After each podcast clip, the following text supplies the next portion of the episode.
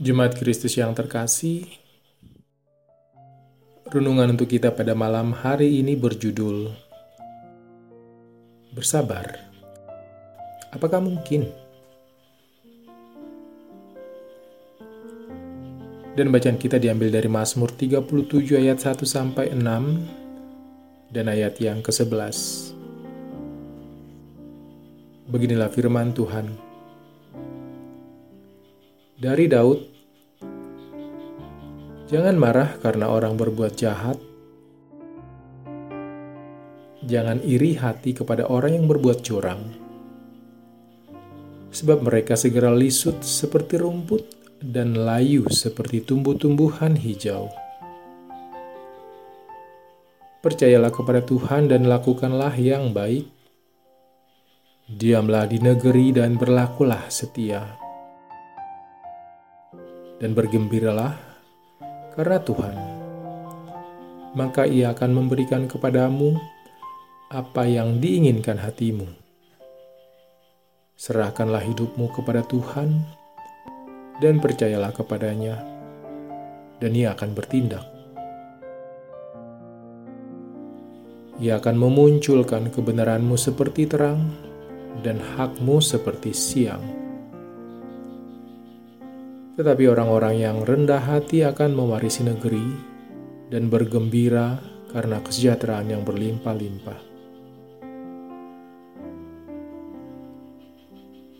Pertanyaan, bisakah kita sabar? Mungkin menjadi pertanyaan yang sulit untuk dijawab akhir-akhir ini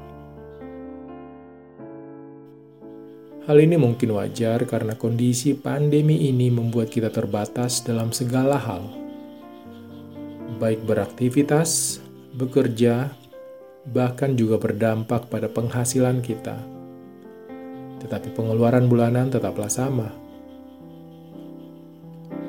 Situasi ini sangat mungkin membuat kita menjadi tidak sabar dengan segala hal.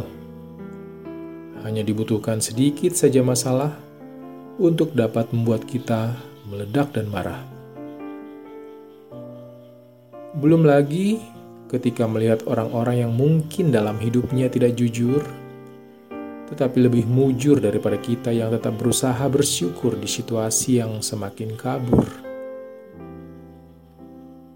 Siapa pun akan iri ketika kita sudah berupaya tetap jujur, tetapi biasa-biasa saja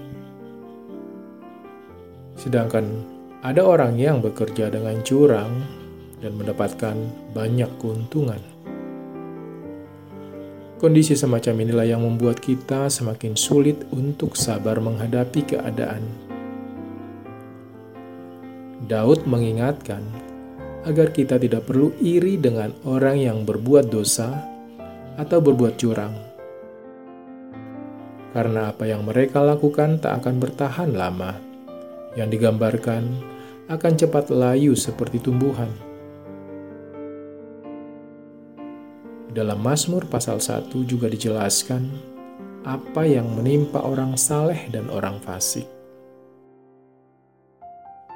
Dengan demikian, marilah kita tetap menjaga kehidupan kita agar tetap kudus, sembari terus bersabar dengan segala persoalan yang muncul dari diri kita sendiri ataupun dari kondisi yang menekan seperti saat ini. Karena Allah akan memberikan yang terbaik untuk kita, dan Allah akan membela orang yang hidupnya saleh serta berkenan di hadapan Allah.